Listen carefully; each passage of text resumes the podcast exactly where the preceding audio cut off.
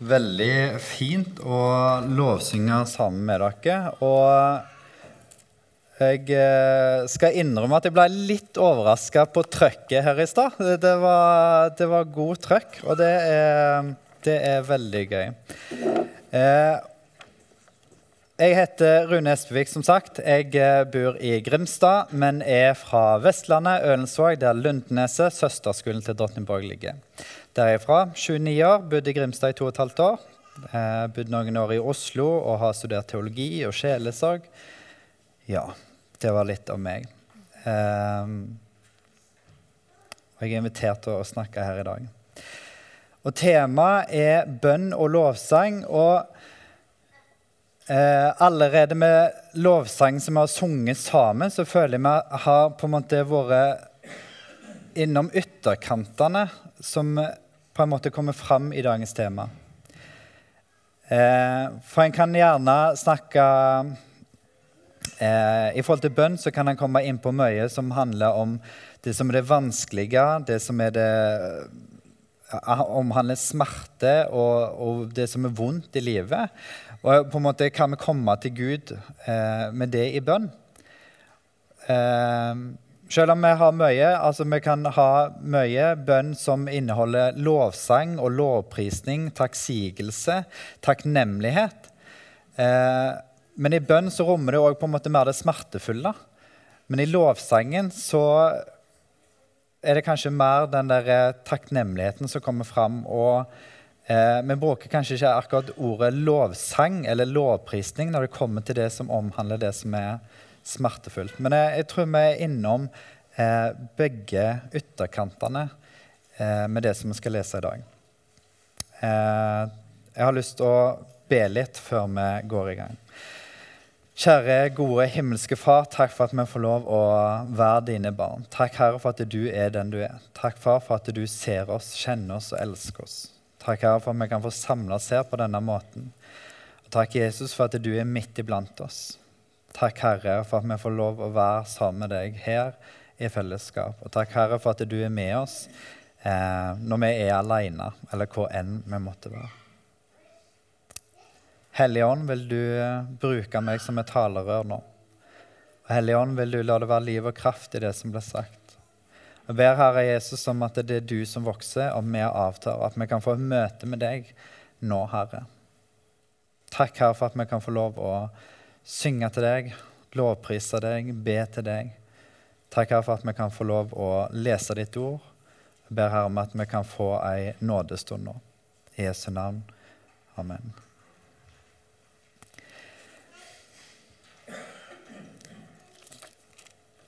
Teksten som er utgangspunkt i dag, står i Matteus 11, eh, vers 28 og, eh, fra 28 til 30. Og vi leser i Jesu navn. Kom til meg, alle som strever og har tungt å bære, og jeg vil gi dere hvile. Ta mitt åk på dere og lær av meg, for jeg er nedbøyd og ydmyk av hjerte. Så skal dere finne hvile for deres sjeler. For mitt åk er ganglig, og min byrde er lett. Amen. Vær så god.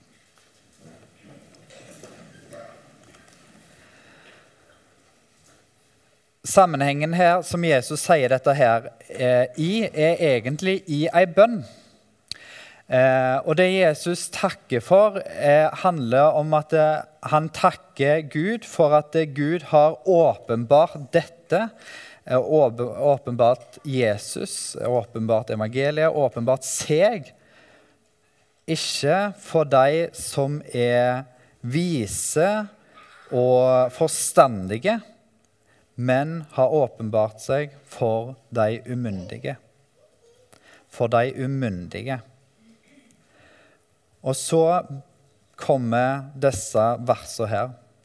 Jesus sier uh, at uh, ingen kjenner eh, Alt overgitt til meg av min far, og ingen kjenner Sønnen uten Faderen. Heller ikke kjenner noen Faderen uten Sønnen, og den som Sønnen vil åpenbare det for. Og så kommer disse versene som vi nettopp leste.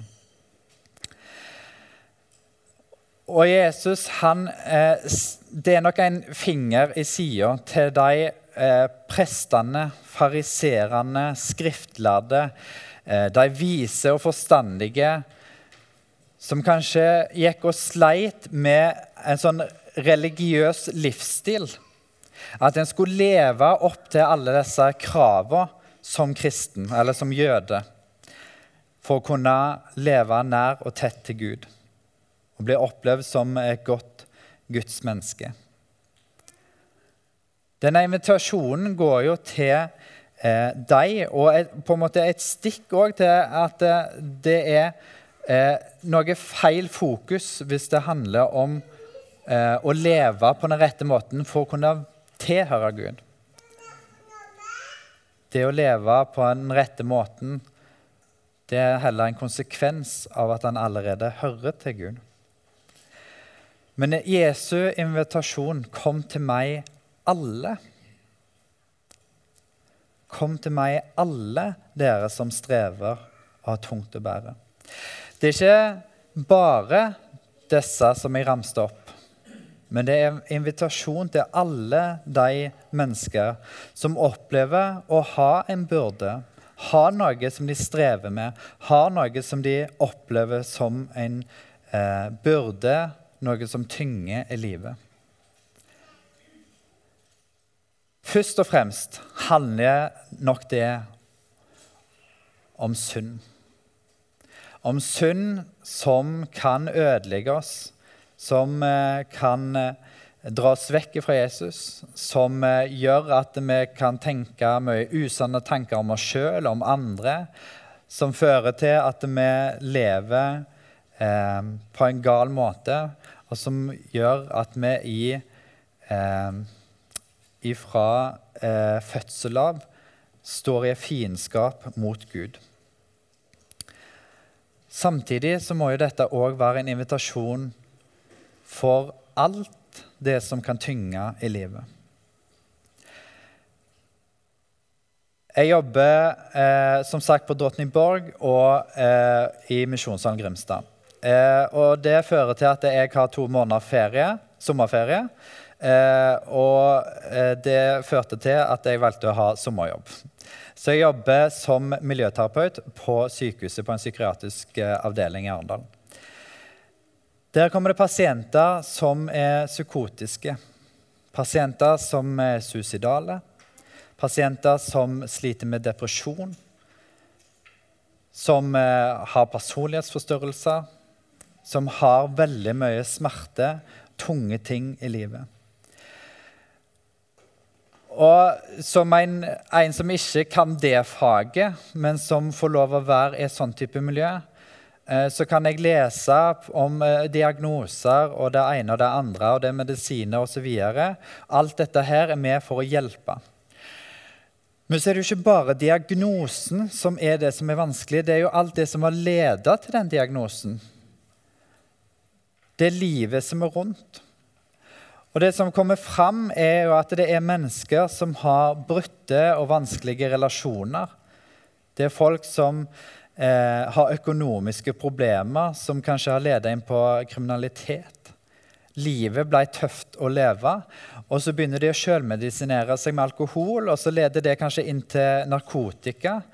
Mange havner der kanskje for rusutløst psykose. Og alt dette her, dere som ikke kan det, jeg kan det ikke så himla mye bedre sjøl, men poenget er at det er mennesker som lider, og som har det vanskelig, som har tungt å bære.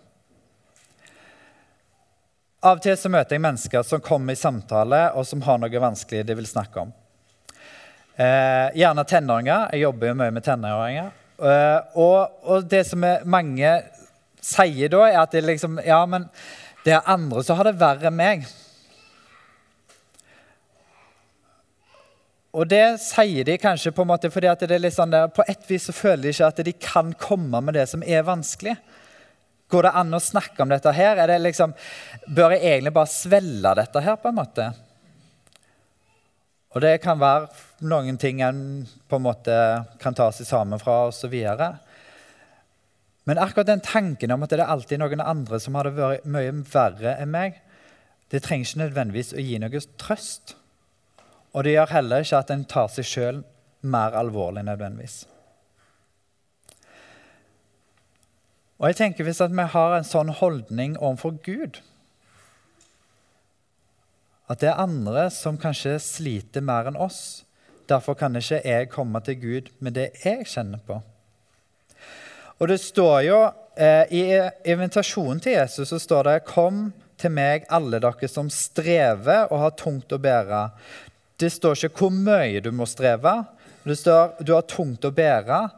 Men det som kan være tungt for meg å bære, det kan kanskje være lettere for deg. Men det kan være at du opplever det tyngre å bære den problemstillingen, som jeg syns er lettere. Altså det, ikke, det, er jo ikke en grad. Det er ikke sånn at det må være så så tungt, du må veie så så mange kilo eller tonn, eller hva det måtte være. Det er ikke sånn at du må grine så mye, eller at hjertet må være så knust, eller hva det måtte være. Men vi har dessverre en veldig menneskelig egenskap at vi kategoriserer sånt i våre tanker. Veldig ubevisst, men vi har en veldig tendens til å tenke eh, sammenligne oss sjøl. Men det vi ofte gjør da, er at vi sammenligner vårt indre med andres ytre. Vi, har, vi ser noe i det ytre hos andre mennesker. Eh, vi har kanskje hørt noe om deres liv, og så sammenligner vi vårt indre liv med det ytre livet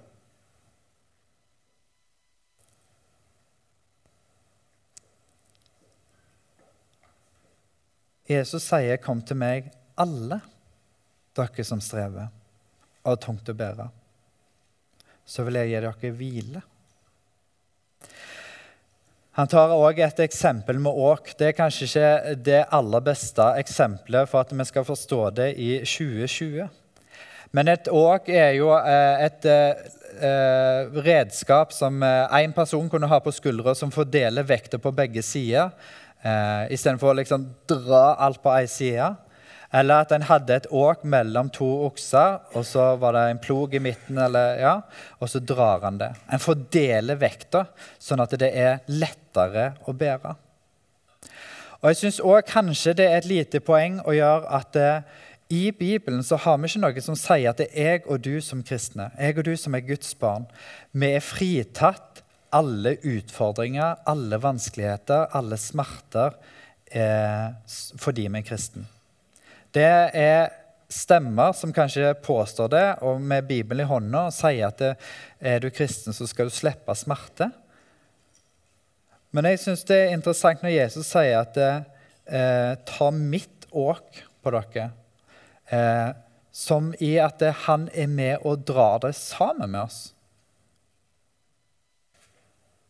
At Jesus han, han, er ikke sånn at han nødvendigvis tar vekk det som er vanskelig og utfordrende, men han drar, eh, drar sammen med oss. Han går sammen med oss gjennom det som er vanskelig.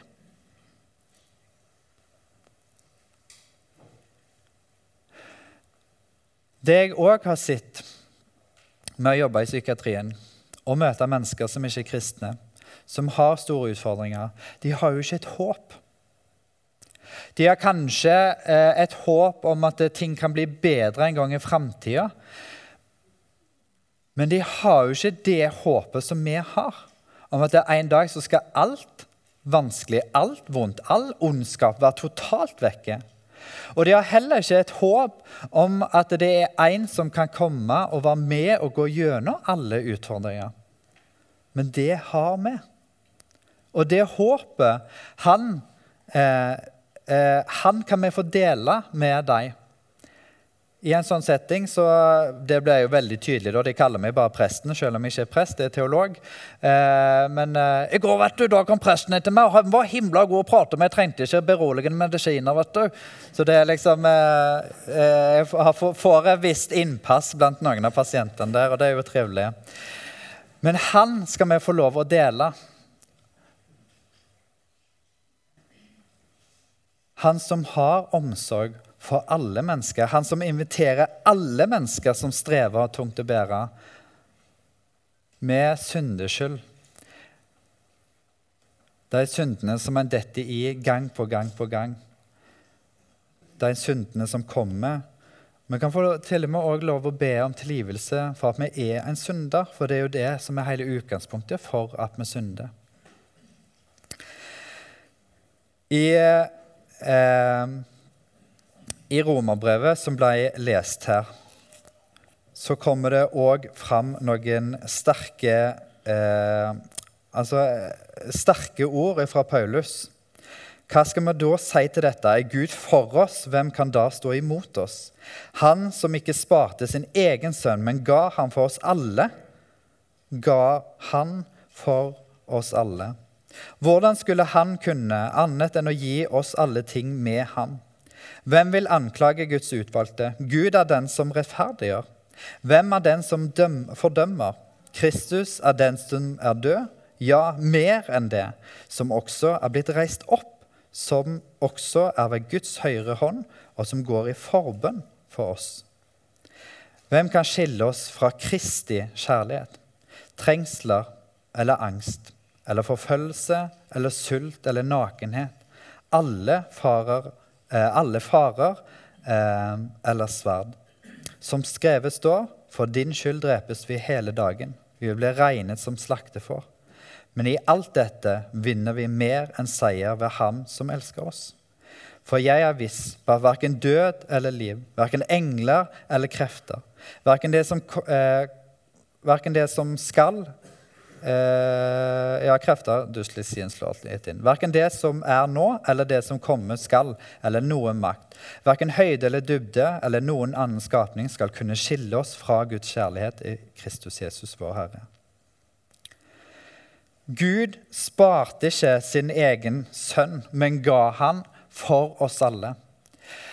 Det, jeg syns disse versene her får fram både evangeliet, men òg det sjelesørgeriske, det eh, farskjærligheten, omsorgen for eh, mennesket og hele mennesket. Først og fremst frelse. Han ga sin sønn for alle mennesker. Han sparte han ikke, men ga han for oss alle. Og så ikke bare det at han døde, men han ble reist opp igjen. Seirende over døden. Og så sitter Jesus ved Guds høyre hånd og går i forbønn for oss. Har du hatt det sånn noen gang at du egentlig tenker eller har lyst til å be, men du mangler ord? Hvordan i det hele tatt skal jeg legge fram denne situasjonen, denne saken, for Gud i bønn? Jeg har ikke ord til å beskrive det, eller jeg har ikke ord som, som jeg opplever at jeg klarer å uttrykke meg sånn som jeg egentlig ønsker. Har du prøvd å da gå i forbønn til et annet medmenneske, en kristen bror eller søster? Kanskje bli lagt hender på, og så kan den bruke sine ord og be for deg? Jeg setter veldig pris på det å gå i forbønn, og har også sjøl vært forbeder i mange sammenhenger i mange år. Men så har vi han. Han som gikk i døden, han som sto opp. Han går i forbønn for oss. Og så kommer det fram denne kjærlighetserklæringen. Hva kan skille oss ifra Guds kjærlighet? Trengsel, angst, forfølgelse, sult, nakenhet, fare og sverd.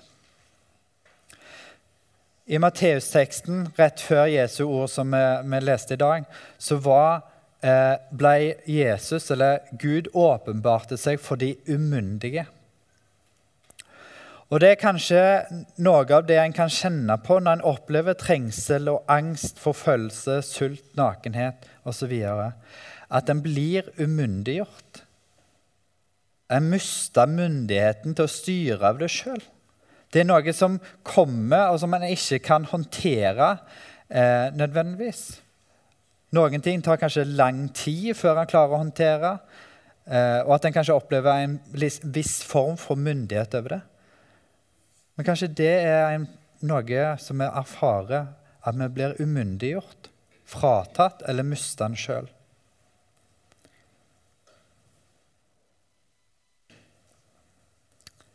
Det som er òg, er at det, eh, vi kan oppleve ting ulikt.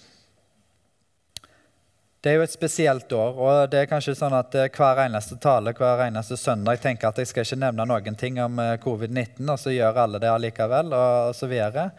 Eh, personlig så har ikke jeg vært redd i det hele tatt. Det har ikke påvirka livet mitt på den måten. Men det betyr ikke at det ikke har påvirka andre. Det har jo påvirka en hel verden. Folk som er utsatt, som kanskje har kjent på frykt. Isolasjon. Fravær av familie og venner. Mennesker som har mista noen nære. Det er vel ikke lange veien jeg skal gå før eh, altså en i nabosida her, så var det flere som mista livet i vår.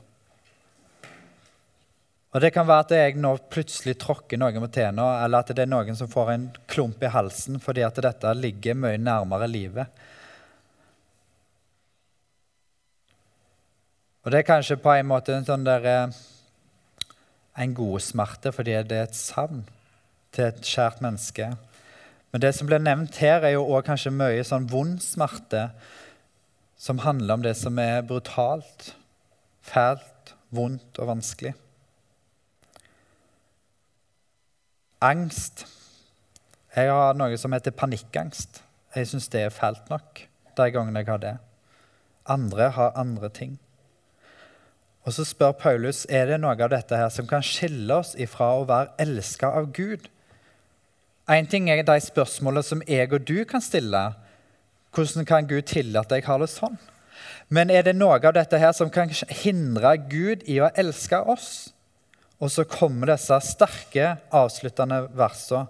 For jeg er viss, jeg er fullstendig klar over, fullstendig overbevist på at verken død eller liv, verken engler eller krefter, verken det som nå er, eller det som komme skal, eller noen makt, verken høyde eller dybde eller noen annen skapning, skal kunne skille oss fra Guds kjærlighet i Kristus Jesus. Første gangen jeg oppdaget disse versene, eh, da sleit jeg med sjølbildet og, og, på en måte det å være elska osv. Jeg var 16 år, og så leste jeg disse versene, og Den hellige ånd åpenbarte det for meg, tydeligvis, for det slo meg rett ned. Jeg fikk virkelig se at jeg er elska. Det er jo en sånn enorm eh, måte å si at det fins ingenting i denne verden. Det fins ikke en puck du kan finne det er ingenting. Du har ikke et eneste godt argument. Du har ikke, eneste, du har ikke et eneste alternativ for å finne noe som kan hindre deg eller noe annet menneske fra å være elska av Gud. Han som vil at alle mennesker skal bli frelst. Han som inviterer alle som strever og tungt å bære, om å komme til han. Jeg opplever at teksten, tekstene i dag berører eh, evangeliet om Han som har gitt seg sjøl for alle, og som vil at alle skal komme til sannhetserkjennelse og bli frelst. Og omsorgen, varheten, i møte med all trengsel, all smerte, alt det vanskelige i livet. Temaet er jo bønn. Det å synge i fellesskap, det er en form for bønn. Mange av dere har jo helt sikkert holdt på med å be eh, si lenge før jeg ble født, eh, og eh, kan dette her veldig mye bedre enn meg. Allikevel så erfarer jeg at du, det har ingenting å si hva alder du er, men mange har gjerne en tanke om sitt eget bønneliv. Og så bruker han gjerne sånn god og dårlig. Altså bruker han alltid dårlig om seg sjøl og god om alle andre. Jeg har tatt med meg noen eh, eh, definisjoner på hva bønn er. For å invitere oss litt mer inn i hva bønn er, kan være, hva det rommer. Ole Hallesby sier det sånn. Bønn går dypere enn alle våre ord. Og den ligger igjen i sjelen når bønnens siste ord er gått over lepp, våre lepper. Bønn er en tilstand i våre hjerter, en sinnstilstand. Bønn er en bestemt hjertestilling til Gud som han i sin himmel straks kjenner som bønn, og som et rop til sitt eget hjerte. Om den formes i ord eller ikke, betyr ingenting for Gud men bare for oss. Magnus Malm sier det sånn. Bønn er følgelig ikke en form for magi, en religiøs metode for å kalle fram fraværende og fjerne gudsvesener. Å be er å åpne mitt eget nærvær for den levende Guds nærvær. Bønn er ikke en måte å bringe Gud nær på, men et svar på at Gud er nær. Den hellige ånd vekker dette svaret i oss. Altså når jeg og du kommer på å be, så er det ikke fordi at jeg og du kommer på å be. Men det er fordi at Den hellige ånd allerede har gitt oss en invitasjon som, som allerede har eh, foreslått for oss at vi skal be. Og så er bønn et svar på at Gud er nær. En smerte, når vi snakker om smerte, kan være for mange at Gud oppleves fjern. Han oppleves ikke nær. Hvor er Gud? En roper og en ber, og så føler en på en måte at Gud er så fjern. Eller en opplever at en sjøl har gått veldig langt vekk fra Gud, men allikevel henvender seg til Gud i bønn. Bønn er ikke en måte å bringe Gud nær på. Sånn derre 'Hallo! Gå bort! Det er ikke sånn avstand. Men det er et svar på at Gud er nær. I Johannes' eh, åpenbaring eh, så eh, har vi et vers som er som følger. Se, jeg står for døren og banker. Om noen hører min røst og åpner døren, vil jeg gå inn til ham og holde måltid med ham, eh, jeg med ham og ham med meg. Ole Hallesby bruker dette verset for å forklare litt om hva bønn er. Bønn det er å lukke Jesus inn.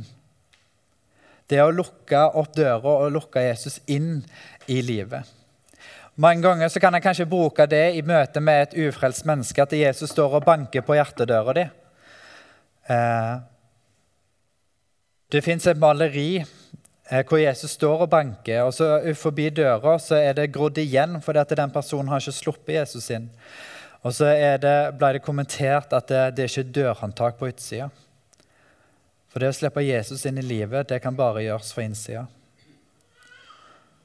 Men for alle oss som er kristne, så kan vi også kanskje bruke et bilde på at eh, hvis jeg kommer hjem på besøk i ditt hus eller i ditt hjem, så får jeg sannsynligvis komme i stua, det er der vi skal være. Eh, jeg kan kanskje se inn på kjøkkenet, men det er ikke så vanlig å dra med på eh, soverommet, inn på kottet, inn på roterommet der og ned i kjelleren. liksom Se alle ting.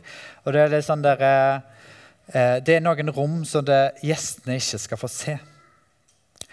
Og åndelig sett i våre liv så kan vi kanskje tenke på det eller så kan vi, For noen så blir det sånn at de slipper bare Jesus inn i noen rom, i noen deler av livet. En slipper ikke Jesus inn i alle deler av livet. Og så vil Jesus inn i alle deler av livet. Og jeg tenker han som er verdens fred, han som er verdens lys At han kan komme inn i alle deler av våre liv med sin fred komme inn eh, og lyse inn i mørket der som det er mørkt. Han som er veien, sannheten og livet, kan tale sannhet om synd og sannhet om nåde og tilgivelse og sannhet om hvem vi er, om hvem vi er skapt til å være, at vi er skapt i Guds bilde. Bønn og lovsang det hører tett sammen. I bønn kan vi få lov å komme med absolutt alt. og lovsang, det er når vi ser hva vi har, opplever en takknemlighet. Og de gangene alle andre du føler når du sammenligner ditt indre med andres ytre Du sitter i salen eller står i salen her, og så ser du teksten og tenker at det, de andre opplever, det oppleves som at de mener dette her på en mye sterkere måte enn meg. Hvis du ikke klarer å lovprise akkurat det som er på teksten, kan du da gjøre det om til ei bønn?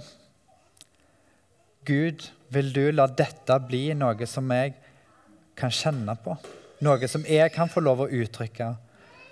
Jesus, vil du gi meg innsikt, så at jeg kan få lov å lovprise med disse ordene og bruke det som en lovprisning?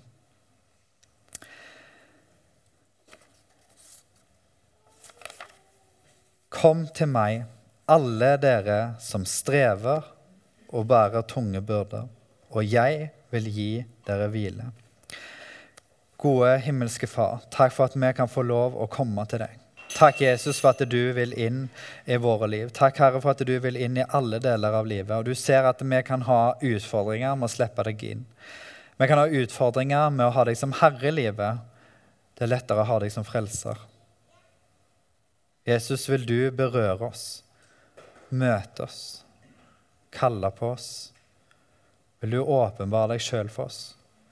Og Herre, vil du gi oss ny frelsesglede, og at vi kan få lov å juble over den frelsen som du har gitt oss, og som vi kan få lov å leve i. Herre, vil du velsigne hver enkelt her. Du ser hvor den enkelte er i sine liv. Du ser de som strever tungt å bære, og som opplever utfordringer i livet på en eller annen måte. Vil du møte dem med din omsorg, trøst og hjelp? Du ser de som trenger oppreisning, som trenger å bli løfta opp. Vil du møte dem? Her du ser de som, som trenger å bli satt lys på inn i forskjellige deler av livet. Jesus, du som er verdens lys, vil du lyse inn og tale sannhet inn i våre liv. Herre vil legge hver enkelt her framfor deg og legge forsamlinga her framfor deg og ber om at du kaller på nye. At du stadig kaller på de som er her, og at det òg kan få lov å vokse, og at det kan komme flere søsken inn her. I Jesu navn. Amen.